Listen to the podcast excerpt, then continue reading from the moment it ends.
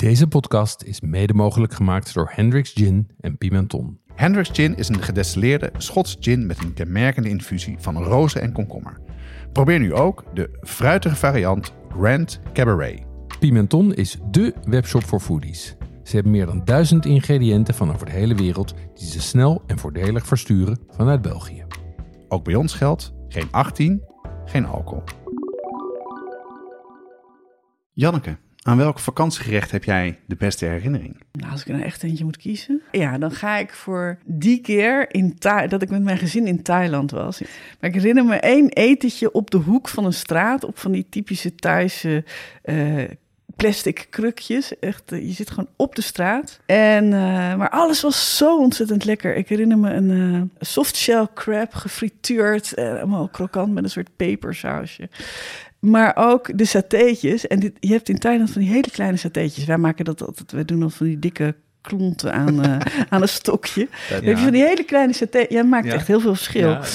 En ik eh, weet nog dat we de rekening eh, kregen. En dat het bijvoorbeeld, weet ik, 12 euro was Ja. of zo. En dat we de hele avond hadden zitten eten daar. En dat er 64 satéetjes op stonden.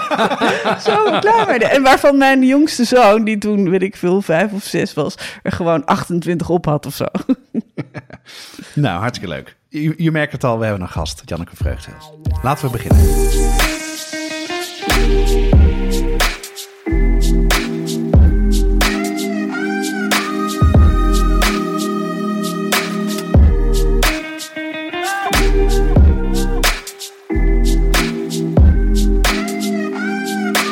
Watschaf de podcast gaat over lekker eten en drinken, zelf koken en buiten de deur eten. Het is voor iedereen, van het beginnende tot de ervaren thuiskok. Alle recepten en tips uit de podcast staan in de show notes op watschapdepodcast.com. Op Instagram, Facebook en Twitter delen we doorlopend wat we koken en eten.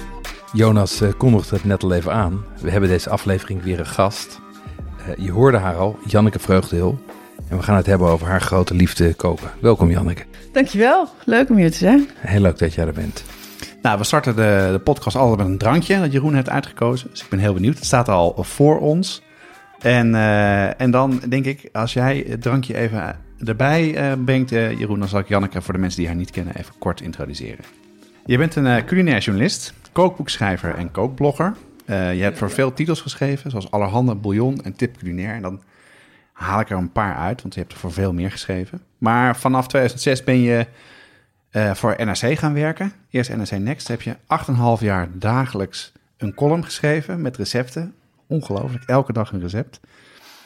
Eh, en nog steeds schrijf je wekelijks gerechten voor de weekendbijlage van NRC. En je hebt ook heel veel kookboeken gemaakt die heel populair zijn. Zoals I Love Groente in 2015. Nee, 2013 was oh, 13, dat. oh, dat ja. was het, ja. Ja. Ik had hier En, 2014 staan. en We Love Groente eh, was afgelopen jaar 2019. Ja. Ja. Nou, dat is ook wel waar we het met jou heel erg graag over willen hebben. Over, nou, sowieso eh, jouw fascinatie met koken, maar ook eh, hoe je tegen groenten aankijkt. Maar een drankje, Jeroen, want eh, Ja, het ziet jongens, ik zou uit. zeggen, pak het even. En, eh, Ontzettend mooie kleur. proef het even. Ik kijk vooral naar de ijsklont. Amberkleurig. Ja, het is een ehm, Wauw. Dat is lekker, zeg. Heel geparfumeerd. heel geparfumeerd. Wat proeven jullie? Ja, ik denk dat er iets van whisky in zit. Ehm, oh, ik ben hier altijd zo slecht in. Ja, een beetje rokerig whisky. Ja, Ja. heel goed. Ja. Heel goed. Ja, Oh, kijk, een beetje- lekker en vind ik beetje- hem. ja, vind je hem lekker? Ik beetje, vind hem heel lekker. een Ja, beetje zoetig zit er ook Te in. lekker. Nou, nee, het was een. eh, eh, we hebben even van in de voorbereiding hebben we even overlegd. En Janneke zei: ja, ik wil graag een alcoholvrije drank. En Nou, dus- omdat ik zo benieuwd ben wat jij daarvan zou Ja, maken. nou ja, dit is geen, is- alcohol in. zit geen alcohol Oh, wat gek. Ja. Eh, en wat het eigenlijk is, is een, is een virgin old fashioned. Als je het hebt over een klassieke cocktail, een old fashioned is, een, hè, is feitelijk gewoon whisky. Ehm, en dit is gemaakt met eh, alcoholvrije whisky, Echt waar? Bestaat dat? die ze in Spanje maken. Oh. Die heet Wissin. Ehm, Oh, wat lekker zeg. Maar ik vond hem net niet genoeg bite hebben. Dus ik heb een siroop gemaakt van Lapsang Souchong. Daar komt die rokerigheid Ah. vandaan. dat dacht ik al, ja. Ja, en daar zitten bitters doorheen. Peugeot bitters. Ehm, want alsof de uitdaging nog niet ingewikkeld genoeg was... om een, indruk, om een eh, alcoholvrije cocktail te maken. dacht ik, wil ik ook eens een aromatische maken. Want heel veel alcoholvrije drankjes zijn natuurlijk sours. Zijn eigenlijk vaak zoetzure varianten of dingen die iets met, hè, of, met, of, of long drink-achtige dingen doen. Ja. Ehm, en in het, de cocktailwereld heb je natuurlijk zeg maar de aromatische hoek, zeg maar de, de, de Negronis en de, de Martinis. Ja. En je hebt de sours. En ik dacht, ik ga wel wel eens kijken of ik die kant op ging. En ik moet zeggen, ik vind hem, eh, eh, ik, ik, toen ik hem gisteren proefde, toen proefde ik hem nadat ik al alcohol had gedronken. Dan is hij verschrikkelijk. Nou ja. Ehm, maar eh, ik vind hem nu eigenlijk eh, best, ja. Maar heb jij zelf verzonnen? Ja, Nou, nee, ik vind het eigenlijk redelijk briljant. ja, nou Ja. ja, dankjewel. Hij is Nou. ook, eh, Proost. ja, proost. Dat, dat rokerige, dat maakt gewoon dat die zoetheid niet overheerst. ja, En dat maakt hem heel erg goed drinkbaar. Ik En- vind alcoholvrij cocktails bijna altijd te zoet. ja. Tenzij je een Virgin Mary neemt, maar... Ja, dat, dat vind ik ook. En, en, ehm, eh, en, wat ik, en bovendien die bitters, die, hè, die, eh Ja. die Angostura bitters, Ja, die gaven ook nog voor wat Ja. gelaagdheid. ja. Dus, ehm, en het grappige is, die cocktail, die maken ze dus, of die whisky, maakt zoiets van 20 jaar of zo. Nog. Hoe heet het? Visin? Wissin. Wissin. Ja, en de fles ziet er echt uit alsof hij 4,95 is. En dat kost hij ook. dus, maar Oh, ik, maar weet je wat ik heel lekker vind? In, als ik in Spanje ben, dan drink ik wel eens Moscatel. Dat kost ook Hmm. echt 2,95. En dat zit in waanzinnig mooie flessen. Die moet je ook nooit weggooien. Die, die spoel ik altijd om. En daar doe ik dan bijvoorbeeld mijn olijfolie in of zo. ja, En ik vind dat gewoon, ja, stiekem eigenlijk best wel een lekker drankje. Jeroen, bij jullie thuis wordt toch veel hot sauce gegeten? Ja, dat klopt. Er staan eigenlijk altijd wel iets van vijf flesjes open. En elke paar weken is er eentje op. Dus dat gaat, eh, gaat behoorlijk hard. Maar waar, waar gebruik je het dan bij? Waar, waar, waar eet je het mee dan? Nou, mijn dochter houdt niet zo van heet eten, maar mijn jongste zoon juist wel. Ehm, eh, dus bij heel veel avondeten kiezen we dan zelf. Eh, bij taco's, bij kip, bij gebakken rijst, dat soort dingen. Ehm, en overigens ook bij lunch- en ontbijtgerechten, tosties, gebakken eieren, pizza, alles. Pizza voor ontbijt. Slim, want dan kan je wel je eigen pittigheid bepalen. En pak je dan ook vaak de rijmakers, heetmakers sausen? ja, die zitten regelmatig in de roulatie. eh, juist ook omdat ze bijzondere smaken hebben en oplopen in pittigheid. Ja, en wat ik er zo leuk aan vind, ze zijn prachtig vormgegeven. Eh, hoe komen luisteraars aan deze flesjes? Ja, je vindt rijmakers, heetmakers op heatsupply.nl of vraag ernaar bij je delicatessenzaak. Nou, Janneke, wat, wij, wij- wat ik al zei, we willen het vandaag hebben over groenten. En daar heb jij zelfs een term voor bedacht, plantificeren. Ja, die heb ik zelf. Ja, Ja, ja, ja, ja, die ja. heb ik eh, de, de Nederlandse taalgebied ingesmeed, inderdaad. Heel goed, heel belangrijk ook. Ja. Maar voordat we over groenten willen hebben, wil ik denk ik even kort wat meer over, met, met wat meer over jou eh, te weten komen. En eh, het leek ons leuk om, ja, dat we vroegen wij ons ook al af van waar is nou jouw liefde voor, voor eten door ontstaan? En wat is ook een beetje de invloed van je ouders daarin? Is dat, eh, kan je daar iets over Die vertellen? is best groot geweest. eh, ja. Ik heb in een van mijn boeken, eh, Comfort Food, de- ik probeer mijn boek, nou ja, ik, ik draag mijn boek eigenlijk bijna altijd wel even aan iemand op, omdat het gewoon, gewoon een gemiste kans om dat niet te doen. Alleen eh, mijn boek Solo Food heb ik aan mezelf opgedragen, maar voor de rest eh, doe ik dat vaak aan mensen in mijn omgeving. En deze heb ik opgedragen aan mijn beide ouders. En dan zeg ik voor mijn moeder, van wie ik heb leren koken, en voor mijn vader, van wie ik heb leren eten. En Oh, zo leuk. liggen de verhoudingen ook. Oh ja. Mijn moeder kookte, mijn vader at. En, maar allebei met evenveel overtuiging. Dus ehm, ja, dit hebben ze mij wel echt meegegeven. Nou. Ja. Ja. En, en hoe kijken ze dan dat je, dat je nu zo, zo actief bent met koken, dat je feitelijk je beroep ervan hebt gemaakt? ja, dat vinden ze heel leuk. Ja, goed, ze weten ook, het is ook al zo lang. Ze weten, het is niet iets waar we het dagelijks over hebben. Nee. Maar ik, volgens mij vinden ze dat heel leuk. En ze zijn daar ook, eh, eh, denk ik, wel trots op. En ze, ze, het grappige is, mijn moeder die, die test altijd allerlei recepten voor mij. oh ja, dus dan leuk. ben ik met een nieuw boek bezig. En dan eh, stuur ik haar een paar recepten. En dan krijg ik altijd heel uitgebreid verslag over. Van nou, ik zou toch iets meer, daar moet echt iets meer melk in. En eh, nee, ik zou, ja, ik vond dat heel lekker. Maar misschien daar, dat moet iets pittiger of zo. Oh, maar dat is ook wel fijn, dat het ja, niet alleen maar, eh, niet nee, alleen maar nee, gejuich Een is. tester moet, moet gewoon kritisch zijn. Ja. En dat kan ze heel goed. Leuk. Dus, eh, en maar mijn, va mijn vader die vindt alles lekker. Dus die is wat minder eh, Oh, kritisch. Ook belangrijk. En die kan ik ontzettend blij maken met als ik echt iets maak waar hij van houdt. Een vissoep of zo. Ja, leuk. Ja. Ja. Ehm, culinaire journalistiek is over het algemeen niet iets wat je, wat je studeert of waar je voor naar, eh, naar school gaat. Nee. Je hebt Nederlands recht gestudeerd Ja. en vervolgens ben je in de culinaire journalistiek terechtgekomen. Hoe is dat gegaan? Dat is een uh, lang verhaal, wat ik wel even heel kort kan schetsen. Uh, ik heb inderdaad uh, rechten gestudeerd, met eigenlijk als plan om de, de rechterlijke macht, de RAIO-opleiding te gaan doen. Mm -hmm. Rechter worden of officier van justitie.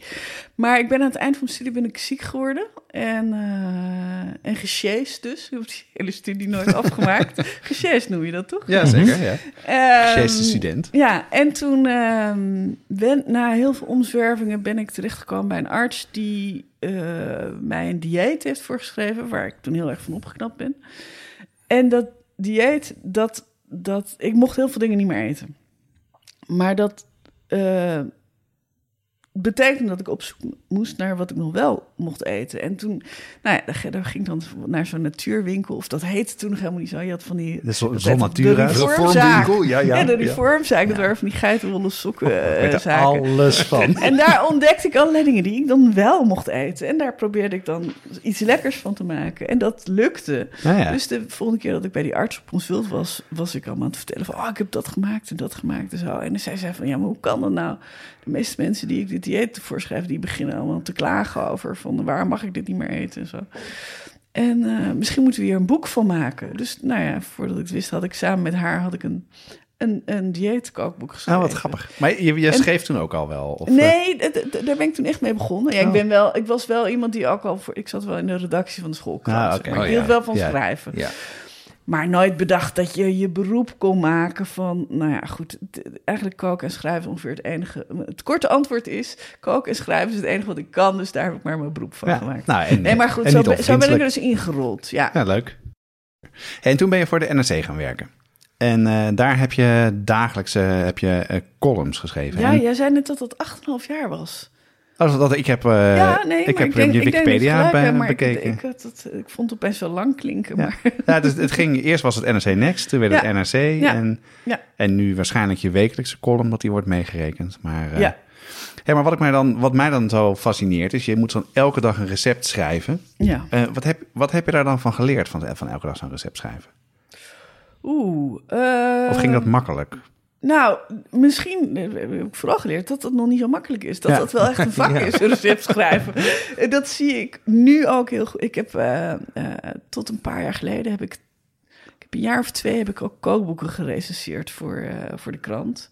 En toen werd ik daar ook mee geconfronteerd. Ja, ja. ongelooflijk veel fouten er in kookboeken staan. En hoe lullig sommige recepten zijn opgeschreven.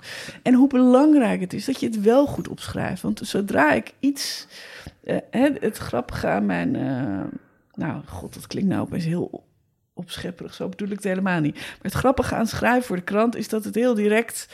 Um, als ik op zaterdag recept in de krant heb, dan zie ik nog soms dezelfde zaterdag, in ieder geval op zondag, zie ik dus foto's van dat gerecht verschijnen, omdat ja, ja. mensen het meteen gaan maken. Dat is hele directe feedback. Dat is superleuk is dat. En zodra er ergens een foutje in staat of een onduidelijkheid, het zijn vaak meer onduidelijkheden dan foutjes, zie ik dat onmiddellijk in mijn mailbox.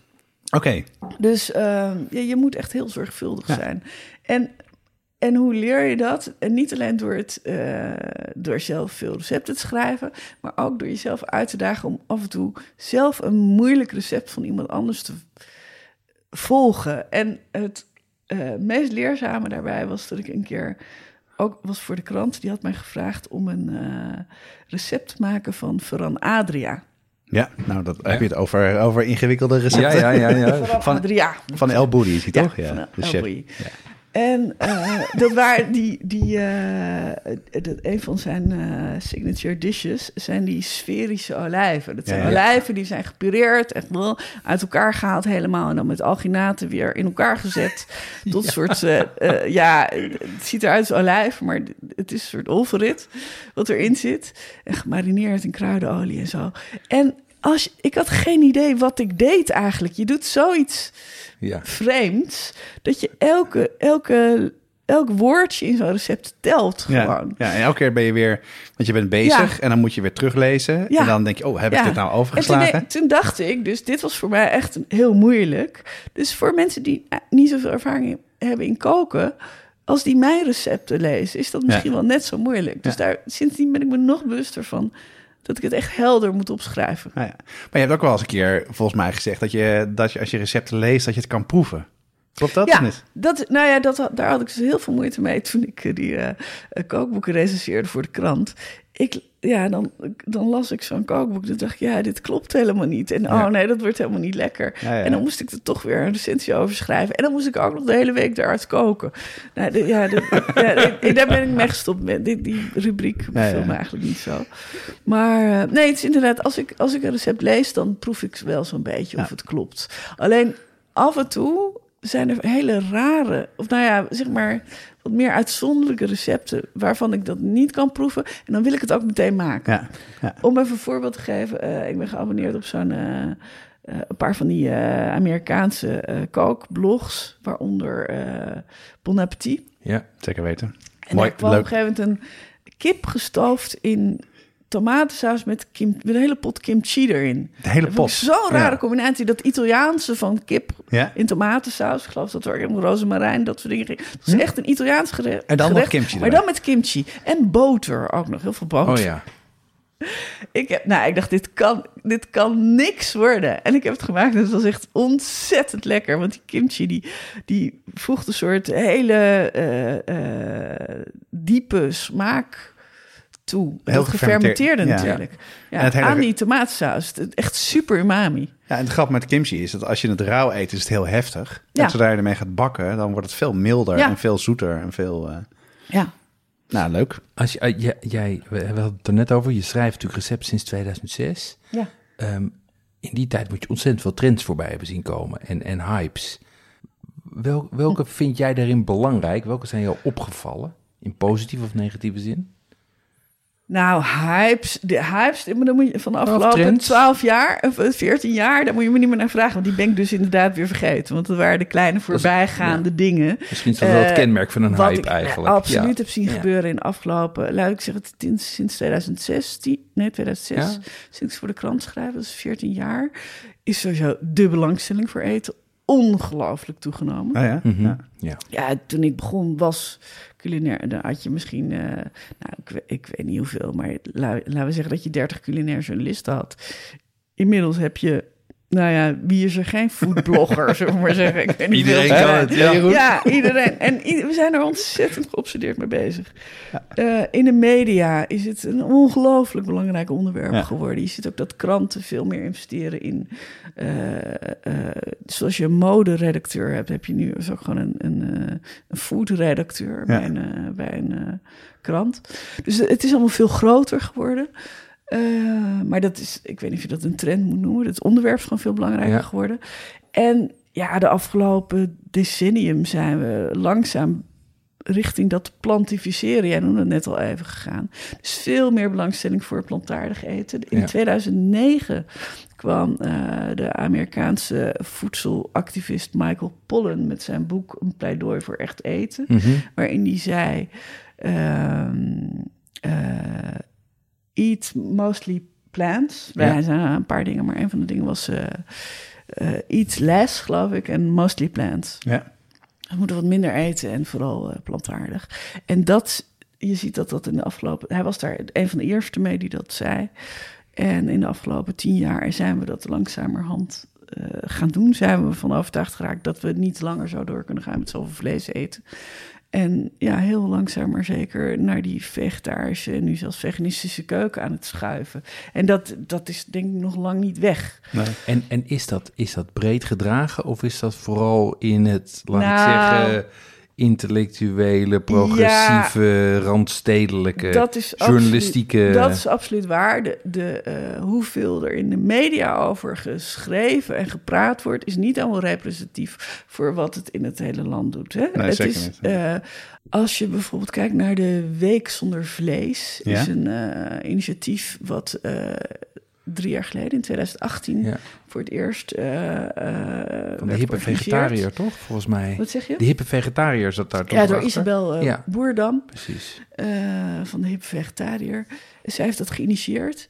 En dat is, zo'n campagne is nog heel erg nodig om mensen kennis te, maken, la- te laten maken met vegetarisch eten. Omdat nog heel veel mensen denken dat vegetarisch eten niet lekker Ja. kan zijn of Ja. saai is of, of heel ingewikkeld om klaar te maken. Het gros van de mensen eet nog gewoon best wel veel vlees. Dat zie je ook aan de consumptiecijfers. We hebben het er voortdurend over, over vega en vegan. Maar ondertussen laten de cijfers nog totaal geen daling zien in onze vleesconsumptie. Dus het is toch wel iets van de uh, elite, zeker vegan. Ik weet geen cijfers, maar, maar een heel klein percentage van de bevolking dat echt veganistisch eet. Vegetariërs zijn er inmiddels wel stukken meer dan uh, 10, 20 jaar geleden. Uh, maar het allermeest zijn er nog flexitariërs. Hè? Dus mensen die uh, soms wel en soms geen dierlijke ja. producten eten. Ja, dus dat, dat was een hele grote beweging. Ik zou het niet eens een trend willen noemen. Dat is gewoon een, een richting die we opgaan. Net als uh, voedselverspilling is ook een heel belangrijk onderwerp geworden. Wat, waar we ook nog lang niet klaar mee zijn. Nee. Dat gaat ook steeds verder, denk ik. En dat soort grote, om jouw vraag te beantwoorden, dat soort grote bewegingen vind ik veel interessanter dan die kleine hypes. Ja. Hoewel die soms ook echt heel leuk zijn om een keer een column af te schrijven natuurlijk. Ja, ja, ja. dat snap ik. Over de, de quinoa's en de ja, balls en de, ja, ja, en de fluffy pancakes en zo. Ja. en, en door die groenten, dat, daar hebben we, het, hebben we het nu ook over. Waarom kook jij zelf graag zoveel groenten? Wat vind je daar omdat ik het. Uh, dit heeft eigenlijk niet eens zozeer met gezondheidsvat te maken. Ik vind groente meer een uitdaging dan vlees en vis. Ja. Ik eet het allemaal hoor. Ik ben een omnivoor. Maar als je mij echt een mes op de keel zou zetten en zou zeggen: je moet of vlees laten vallen of groente, dan zou ik mhm. vlees laten vallen. Ja. Want ik vind groente ja, veelzijdiger en, en nou ja, lekkerder. Ik eet het liefst allebei, maar het is uh, culinair gezien meer een uitdaging. Ja. Uh. Ja, dat vind dus smaak is, is het belangrijkste er argument. veel meer smaakniveaus die je kunt bereiden, uh, bereiken met het, het, ja, door groente op een bepaalde manier klaar te maken. Ja, want jij zei net over dat veel mensen toch nog vlees eten met, met groente erbij. Ja. En, maar dat is, dat is ook wel, denk ik, een van de problemen. Is dat heel veel mensen uh, daar zo mee opgevoed zijn en ook niet allemaal recepten kennen. Uh, om nee, groenten goed te maken. Ik denk dat dat een uh, omschakeling is die, die echt wel misschien een hele generatie gaat duren voordat we zover zijn. Wij, wij drieën zijn ongeveer van dezelfde leeftijd, schat ik nu in. nee, jij bent veel jonger. Piepjong. in elk geval, wij zijn denk ik nog opgevoed met vlees, aardappels, groenten. Absoluut. Uh, Geen olijfolie, geen knoflook. Nee. Mijn moeder haat tomaten. Sorry, mam. Ik kan me de introductie van de avocado nog herinneren. Ja, nou ja. Van de noviteit was dat. Ik kan me nog herinneren dat ik voor het eerst broccoli had. Oh, ja. We hadden vroeger alleen bloemkool. En pas veel later kwam er broccoli. Nou, in ieder geval, waar we denk ik met z'n allen naartoe moeten... en dat, dat bedoel ik zo ook met plantificeren... Eh, wat ik zelf mooi vind aan die term... is dat het een soort... Het is een soort schuifje op de, op zo'n mengpaneel van een DJ. Dus je kan hem een beetje naar links en een beetje naar rechts zetten. dat betekent dat je niet per se hardcore vegan hoeft te eten om al mee te doen aan uh, het eten van meer plantaardig. Aan die transitie van uh, dierlijke naar plantaardige eiwitten. Ja, dat is ook makkelijker voor mensen, omdat ze dan niet iets meteen weg hoeven te doen. Maar, nee. maar vooral dat, nee, daarom precies. heb je het ook niet over vegetarisch. En waar je uiteindelijk naartoe wil, is dat die, waar vroeger het vlees de hoofdmoot was, nu die groente gewoon de hoofdrol krijgt op dat bord. Het grappige is, ik kom, kom uit het Westland en ik heb een, uh, iemand, een andere Westlander eens horen vertellen, een, uh, een teler is dat, van uh, tomaten, dat Westlanders, die, als je die vraagt wat eet je vanavond, beginnen ze al het eerst te zeggen een groente. Hè? Oh ja? Ja, ja. groenten zijn heel belangrijk in het Westland. Uh, en de, in de rest van Nederland zouden mensen dan beginnen met het stuk vlees ja. wat ze gaan ja. eten. En eigenlijk moeten we allemaal een soort Westlander worden. Namelijk beginnen met zuurkool of spruitjes of bietjes of worteltjes. En dan daarna verzinnen, oké, wat eet ik daar dan nog bij? Ja, ja. En zo doe ik het eerlijk gezegd. En zo, maar goed, ik ben dan ook Westlandse. Ik doe dat altijd al zo. en, en die switch maken, hè, van, van, een, van het denken in aardappelen, vlees, groenten... naar iets waarin groente centraal staat. De oplossing is niet gewoon dan spruitjes doen en dan zeg maar de gehaktbal weglaten. Nee, dat wordt saai. Oh, maar hoe dan wel? Ik uh, logeerde vroeger wel bij een oom en tante. Die ze dan één keer per week aten ze geen vlees. Maar dan lieten ze gewoon dat vlees weg. En dan had je ze net aardappels en dan zonder ja, zonder, zonder wat dan. Nou ja. Wel ja, goed voor de lijn. Nee, daar word ik wel echt niet blij van. Nee, dan moet je anders gaan denken. Dan, hè, dan uh, moet je sowieso die groenten... Nou ja, moet, je moet niks. Maar zou ik die groenten wat spannender gaan klaarmaken dan alleen maar Mhm. gekookt?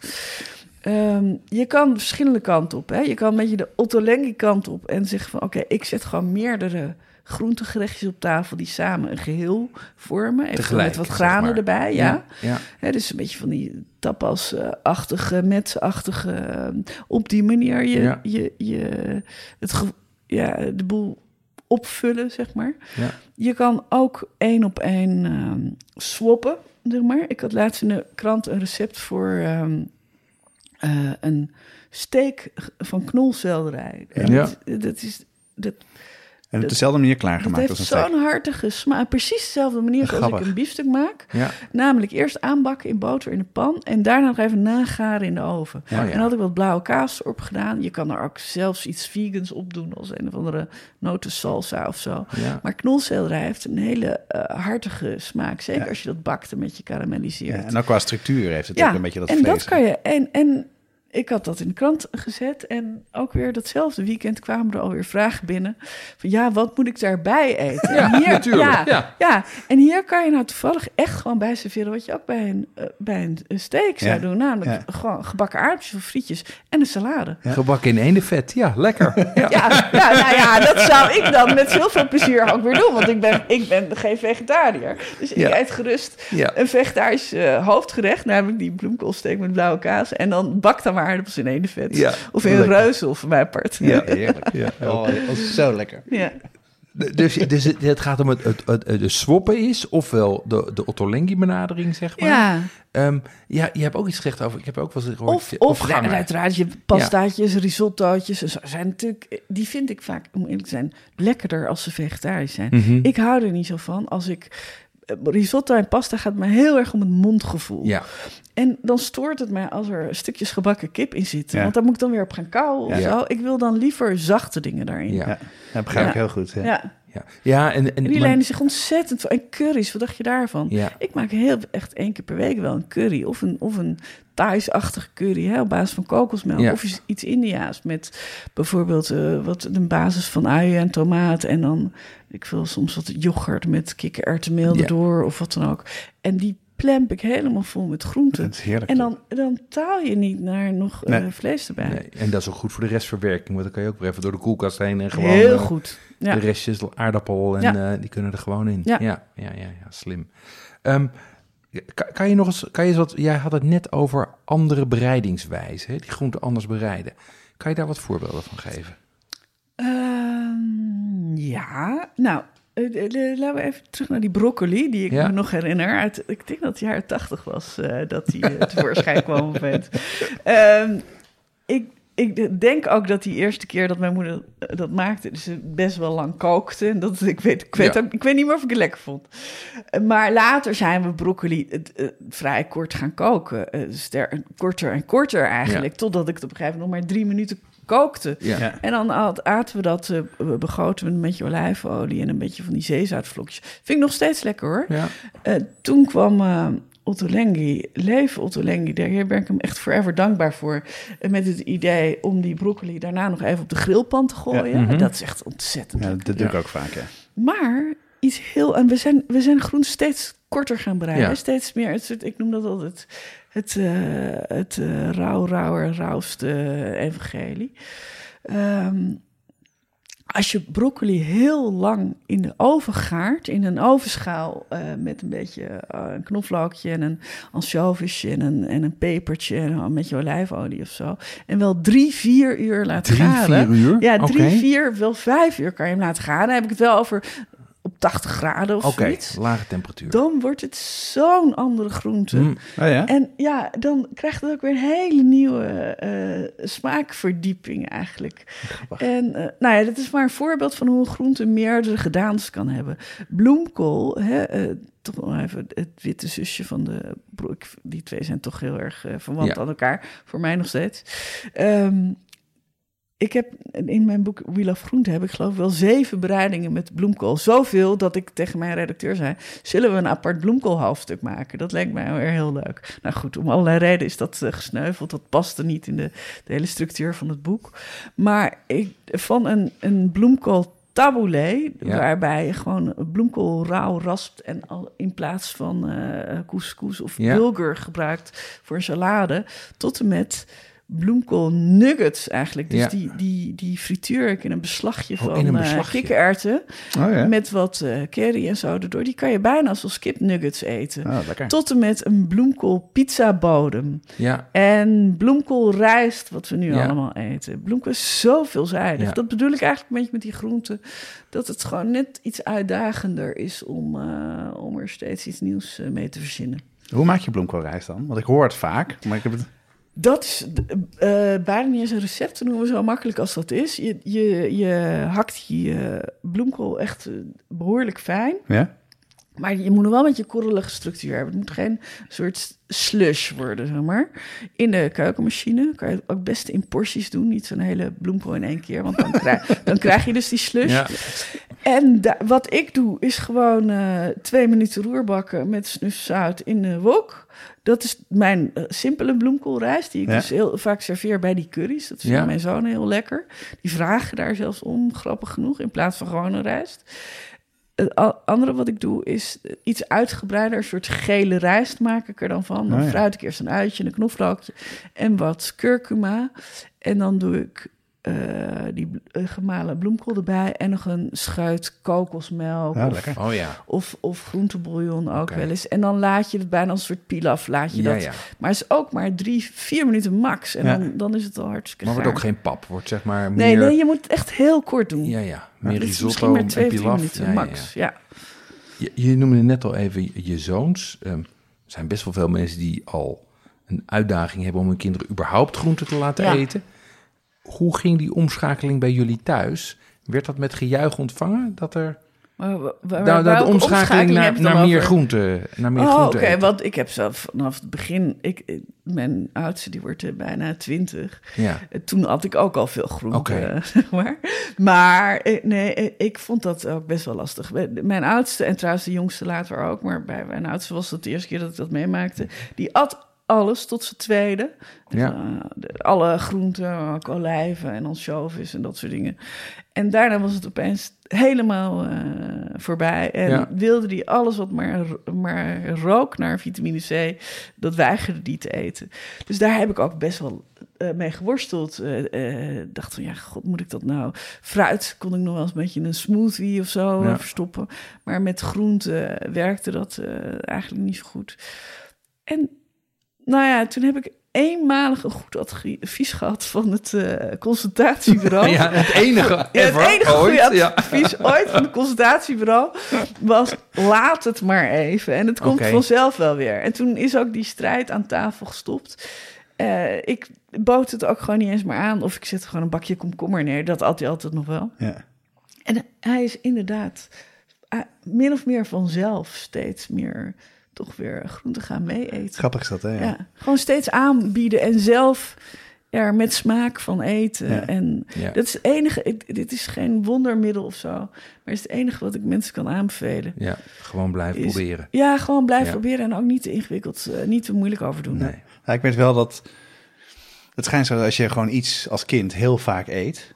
meer dan vijf, zes keer... dan je begin je aan die smaak te wennen. Ja, en dan begin dat je ook... sowieso. eh, De eerste keer vinden ze het ja, vaak sowieso broccoli niet bij mijn zoon was niks. Ik ben niet zo'n enorme fan van rauwe paprika. Nee, Vind ik heel heftig. Ik kan heel het gewoon... mensen, hoor. Ja. In zijn lunchbox vindt hij heerlijk. Dat Oh, eet hij helemaal op, ja. En eh, dat is ook wel... Ja, sommige dingen eet hij echt niet. Maar het is inderdaad wat je zegt. Gewoon eh, neerzetten en inderdaad... eh, Blijven inderdaad aanbieden. Geen chips, maar Ja. eh, Ja. wat tomaatjes, dat soort dingen. Ja. Ja, en het verandert ook. Hè? Tenminste, dat zie ik bij onze kinderen. Dan, mijn jongste zoon vond vroeger haring, haring heerlijk tot zijn tweede. Ja. Vanaf zijn tweede wilde hij het niet meer. Nee. En nu laatst zei hij weer van neem weer eens een broodje haring voor me mee. dus daar, heb, verder, daar heb ik geen, zit geen... Aan Nee. mijn kant is niks veranderd, zeg maar. Maar dat is ook zo. Het is natuurlijk ook een... eh, die kinderen ontwikkelen ook een smaak en, en worden Maar dat is ook echt biologisch zo, Ja. dat, je, dat je smaak zich ontwikkelt. Ja, ik heb wel eens gelezen dat het, eh, eh, dat de, het aantal smaakpapillen per smaak die je hebt, dat dat ook anders is als je jong bent dan als je ouder Ah, bent. ja, dat die aantallen zich dat dat eh, eh, eh, ver- verschuift. En dat je daarom ook eigenlijk bijvoorbeeld nooit meer de smaak uit je jeugd terugkrijgt, omdat je receptoren gewoon anders zijn. Oh ja? Oh, dat Ja. heb ik nog nooit gehoord. Ja, Oh, dat is wel En dan denk je, het is heerlijk. En je, je kind proeft het en je denkt, oh, dat is veel te Ja, maar, dus maar die, maar dus dat is die Marcel kind. Proest die zat maar wat te lullen over die, eh over die madeleines. Van sowieso. En andere dingen die je kan doen om meer groente te eten? Ik denk sowieso dat het, eh, als je echt... Kijk, ehm, ik geloof dat het voedingsbureau nu zegt... dat we 250 gram groente per dag zouden moeten eten. Volgens mij komt het gros van de Nederlanders... ik geloof dat er maar 5% van de mensen daar echt aan komt... Eigenlijk, volgens, volgens Engels onderzoek, zou je wel 400 of 450 gram Ah, ja, moeten ja. eten. Kan je nagaan, dat haalt echt helemaal niemand Nee. tot nu toe. Maar als we Kroes wel die kant op willen... ik. Ja, Hè? Wie hoorde je? Rens Kroes, die haalt dat. Ja, die haalt dat denk ik wel. Ja, ja. Als je avocados ook. Ja, als Instagram aanstaat, Eh, maar anders ja. ook niet. Maar eh, als we dat willen gaan halen in de toekomst... dan zullen we ook af moeten van het idee dat groente alleen maar bij de hoofdmaal, bij de Ja. avondmaal, bij dat di- grote diner horen. Ja, ja. Dus je kunt ook gewoon bij de lunch al, al is het maar een tomaatje op brood of zo'n soepje. Wat ik zeg, ik eet heel vaak gewoon een, een zo'n groente gepureerd groentesoepje als lunch, of soms ook gewoon zelfs als tussendoortje. Je kan natuurlijk ook als je echt graag wil, kan je ook bij het ontbijt kan je al groene smoothies en zo maken. Ik snap ook dat voor heel veel mensen dat dat een eh, net nog even een stap te ver is. Je kunt tussendoor kun je eh rauwkost eten met wat eh hummus of wat dan ook. Ik, ik denk dat het eh, best, als je meer groente wil eten, dat het een goed idee is om dat over de hele dag te verspreiden. Ja. En niet alleen maar ehm, zo'n enorme berg uh, gekookte dat- andijvie uh, bij het avondeten proberen weg te werken. Ja, of als een voorgerecht, toch? Kan je ook doen. Oh ja, ja, ik eet sowieso heel graag in meerdere gangen. Ah. Dus ik vind sommige groentegerechten ook zo lekker op zichzelf... Mhm. dat ik ze gewoon eh, vooraf eet. Bijvoorbeeld ehm, verse, eh, verse dopertjes. Het duurt nog even, maar die komen er straks weer aan hè, Ja. in eh, mei, eh, juni. En als je die stooft met een shallotje en een beetje boter... en al dan niet een spekje. Als je, het is heel lekker om een heel klein beetje spek bij te doen, maar het hoeft niet. En, uh, of op zijn Frans met een kropje sla erbij ook gestoofd. Nou, dat is zo'n lekker gerecht. Dat moet je echt niet ergens bij Ja, eten. Dat ja. moet je gewoon, Ja. gewoon uh, en op dan hoef- zichzelf savoureren, Ja. om dat zo maar te ja, zeggen. dat vind ik ook gelden Ja. voor bijvoorbeeld uh, carrot râpé. Gewoon, dat eh, is ook heel lekker. gewoon geraspte wortel als Oh, voorgerecht. gelukkig. Hoe simpel is dat? Weet je dat Ja. je dat ook als... Ik heb dat in eh, Marokko een keer als toetje gekregen. Oh ja. Geraspt, kan je het even over in het kader van... je hoeft het niet alleen maar bij de hoofd, eh, als hoofdgerecht te eten. Eh geraspt, heel fijn geraspte worteltjes... Ja, met sinaasappelsap, een drupje oranjebloesem en Tuurlijk. poedersuiker. oh ja. Hartstikke lekker. Ja, heerlijk. Ja. Ja. Of als taart, worteltjestaart. Of als taart. ja. Vies, hè? Ja, en, en, en tussen de boterham vind ik dan ook nog wel een uitdaging voor de kinderen. Want die nemen natuurlijk allemaal brood mee naar school. Ja, En heb je om daar eh, groente... Ja. ik denk, jij, jij doet dus rauwe reepjes paprika. Weet je, als je- mijn zoon, die zou echt zo in opstand zijn gekomen als ik dat had gedaan. Nou, wat, kijk, wat wij altijd doen. Wij proberen een beetje de, de, de lunchbox wat ja, gevarieerder te maken. Dus niet alleen maar, niet alleen maar boterhammen. Ja. Dus eh, nou ja, een beetje door, door Jeroen ook wel eh, noedelsoep zijn we gaan doen. Ja. Wat hij Ja. ook veel doet, dat eh, doe ik af en toe. Dat geef je je kinderen mee naar Ja, school. geef mijn kinderen mee. Maar dan gewoon als een, in een thermosfles krijgen ze zeg maar de, zitten, zitten de, de bouillon en de groenten en dat soort dingen. En dan los daarnaast de noedels. Niet proppen ze erin en eten ze het op. Ja, ik- Echt waar? Geef je dat? Oh jongens, Ja ik- hoor. ik heb er zo- zo'n bewondering voor. Mijn, het, maar dat is helemaal niet ook werk, omdat hè? ze bij mij niet, eh, nooit om hebben gevraagd. Maar Ja, bij maar- mij krijgt ze gewoon nog boterham met pindakaas mee naar school. Nee, wat, en wat ik heel vaak doe ook, is... ehm, stel, als ik gefrituurde kip maak, dat Ja. eh, op een Japanse manier, dat eten wij heel veel. Ja, dan geef je een restje mee. Dan Ja, kook ik tuurlijk. gewoon, Ja. eh, dan kook, Ja. kook ik anderhalf portie. ja. En dan doe ik het in de ijskast. Ja. En dan wil ik soms wel, als, ik, eh, als, hij, eh, als hij aardig tegen me geweest is, David, dan, ehm, dan eh, maak ik rijst 's ochtends. Ja. Warme rijst. En dan Ja. doe ik dan in zijn lunchbox. En daarop dan eh, de, de gefrituurde kip uit de ijskast. Dat mijn, vindt hij heerlijk. mijn kinderen krijgen dat soort dingen allemaal als ze uit school komen. Ja, ja, Dus die ja. krijgen die, die eten braaf boterham met pindakaas op school. Maar daarna zijn er natuurlijk, komen ze thuis en dan hebben ze zin. En dan komen er inderdaad eh, ook dat soort dingen. Overigens, mijn vriend woont in Spanje. Die heeft gewoon zijn hele leven, voor, of het hele leven van zijn kinderen... twee keer per dag voor die gasten gekookt. Echt waar, hè? Ja, dus het is daar ook heel normaal om warm te lunchen. En dat is dan ook normaler om meer groente te eten Ja. natuurlijk. Ja. Grappig. Maar dan is, het, dan is de, de avondmaaltijd vaak wel wat simpeler, toch? Of is het, is, het, is het vol op het orgel, zowel voor de, tussen de middag als Nou, avonds? dat, nu, als we, nu als ik in Spanje ben, proberen we s'avonds wel iets lichter te Ja. eten. Want je eet zo laat. Zo hè, laat, tussen ja. of tien. Dus dan wil je eigenlijk... Dus dat grote stuk vlees eet je dan liever eh, s smiddags inderdaad.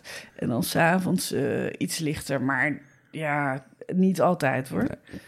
En dan heb je acht, om acht uur heb je nog dat taartje ook gegeten. Dus dan ben je al sowieso... Nee, we eten daar. Nee, nee, nee, nee. We eten daar niet. Je eet daar eigenlijk. Als je zo goed geluncht hebt. Om een uur of zo twee uur half drie gaan we dan lunchen. Ja, en als je dan gewoon echt goed maal op hebt, dan taal je Nee. niet meer naar eten. Tot Nee. een uur of acht, negen s'avonds. Ja, Dat is gewoon echt niet nodig dan, die tussendoortjes. Ja wel. Terwijl als ik in Nederland ben en ik lunch gewoon licht, ja, dan heb ik ook om vier uur Ja. alweer zin in, een, Ja. eh, in een koek of zo. Ja, Of een stuk chocola. ja, Ja. dat is ook wel het voordeel van warm eh, tussen de middag eten. Ja. Ja. Ja. Nou, dat, eh, we zijn alweer bijna aan het einde, toch, Joen? Ja, Had jij nog andere vragen of dingen die, eh, die je wilde... nou, ik ben wel even benieuwd waar je, waar, je, waar je op dit moment mee bezig bent. Of we binnenkort iets van jou mogen verwachten. Ah, ja. Ja, ehm, ja, ik ben hoor, met een nieuw boek bezig. Ja? Eh Wheel of Groente is alweer bijna een jaar geleden. Eh, Ik ben iets heel anders aan het doen. Ik ben een boek aan het maken over de Nederlandse keuken. Oh, wat en, leuk. eh, ja, dat, eh, het moet in eh, september uitkomen. En het Mhm. gaat De Bijbel van de Nederlandse Keuken heten. Ah. Het is een serie bij uitgeverij Carrera. Ja. Ze hebben ook de Bijbel van de, van de Franse keuken. Van, die heeft Alain Caron gemaakt. Barbecue Bijbel Bijbel zag ik net keuken. voorbij komen. Ja, er Zijn, ze hebben twee soorten Bijbels. Ze hebben de landenbijbels. Ja, En ze hebben de koekjes en de barbecue bijbels Ja. en zo. En ik ben dus de Nederlandse kookbijbel aan het maken. En ik heb daar ongelooflijk veel plezier in om te doen. Het is heel veel werk, want het, het worden meer dan 200 recepten. Jezus. Die ik allemaal stuk voor stuk aan het testen ben. En soms wel vijf keer, omdat Ja, ik vind dat het ja. perfect moet zijn. Het is tenslotte Ja. een bijbel. En je moeder die dan... En, eh, ja, en mijn moeder die dan eh, weer de, de allerlei stampotten voor me aan het uitproberen is. Ja. En worstenbroodjes en zo. En, En je zoontje die dan na school dat allemaal ja, opeet. nee, we hebben nog nooit. Het grappige, ik heb. Eh, ik had eh, vijf kilo. eh, ik moest op de foto voor dat boek. Hè, er komt een foto van de auteur in. En daarvoor, ik moest op de foto met aardappels. Dus ik had vijf kilo aardappels gekocht. Mooie Nederlandse aardappels. En het is nu twee maanden geleden. En ik gebruikte van de week de laatste aardappel in een puree. En serieus, er gaan jaren voorbij dat ik niet aan vijf, aardappels, v- vijf kilo aardappels per jaar kom. Dat wij ook In een heel jaar. Nee, ik eet die helemaal niet vaak. En nu eten we opeens zo vaak aardappels. Want dat is de Nederlandse keuken. Ja. En is je beeld van de Nederlandse keuken veranderd door, dit, door dat boek, te- door er zo diep in te duiken? Ehm, nou, ik had altijd eigenlijk al een beetje hekel aan eh, dat er zo denigrerend wordt gesproken over de Nederlandse Ja. keuken. Dat is op een gegeven moment een beetje in zwang geraakt door, nou ja, durf ik zijn naam te noemen? Ja, Johannes van Dam. Met alle respect, die had een beetje een denigrerende mening over de Nederlandse keuken. Ja. Die zei dan, ja, dat is helemaal bedorven door de eh uh, huisartsschool ja, die leraressen. alleen maar op goedkoop waar het allemaal goedkoop ja, moest en zo. Het is wel een klein beetje waar, maar daardoor ontstond er zo'n beeld van de keuken alsof het allemaal niks waard zou zijn. Nee. Terwijl we vroeger, eh, zeg maar voor die huisartsschoollerarissen, gewoon een hele rijke, een beetje op de Franse keuken gebaseerde eigen keuken hadden. Met hele rijke gerechten. Terwijl we in Nederland ook hele mooie producten maken. En Ja. terwijl eh, er ook sowieso niks mis is met erwtensoep en pannenkoeken en wat Heerlijk. dacht je van bitterballen en stroopwafels? En, en ik vond het buitengewoon leuk om... Ik heb voor het eerst van mijn leven stroopwafels gebakken. Ik had echt nog nooit daaraan gedacht als iets wat je zelf zou kunnen maken. Ja, maar dat ja. kun je dus ook gewoon zelf moeilijk? Nee, het is helemaal niet moeilijk. Je, je hebt er wel een speciaal ijzer voor nodig, heb ik er dan voor Ja. aangeschaft. Maar en, en eh, ja, tompoezen heb ik eh, zelf gemaakt. eh, maar ook iets als, ik ben heel erg de provincies ook afgegaan, de Ja, regio's.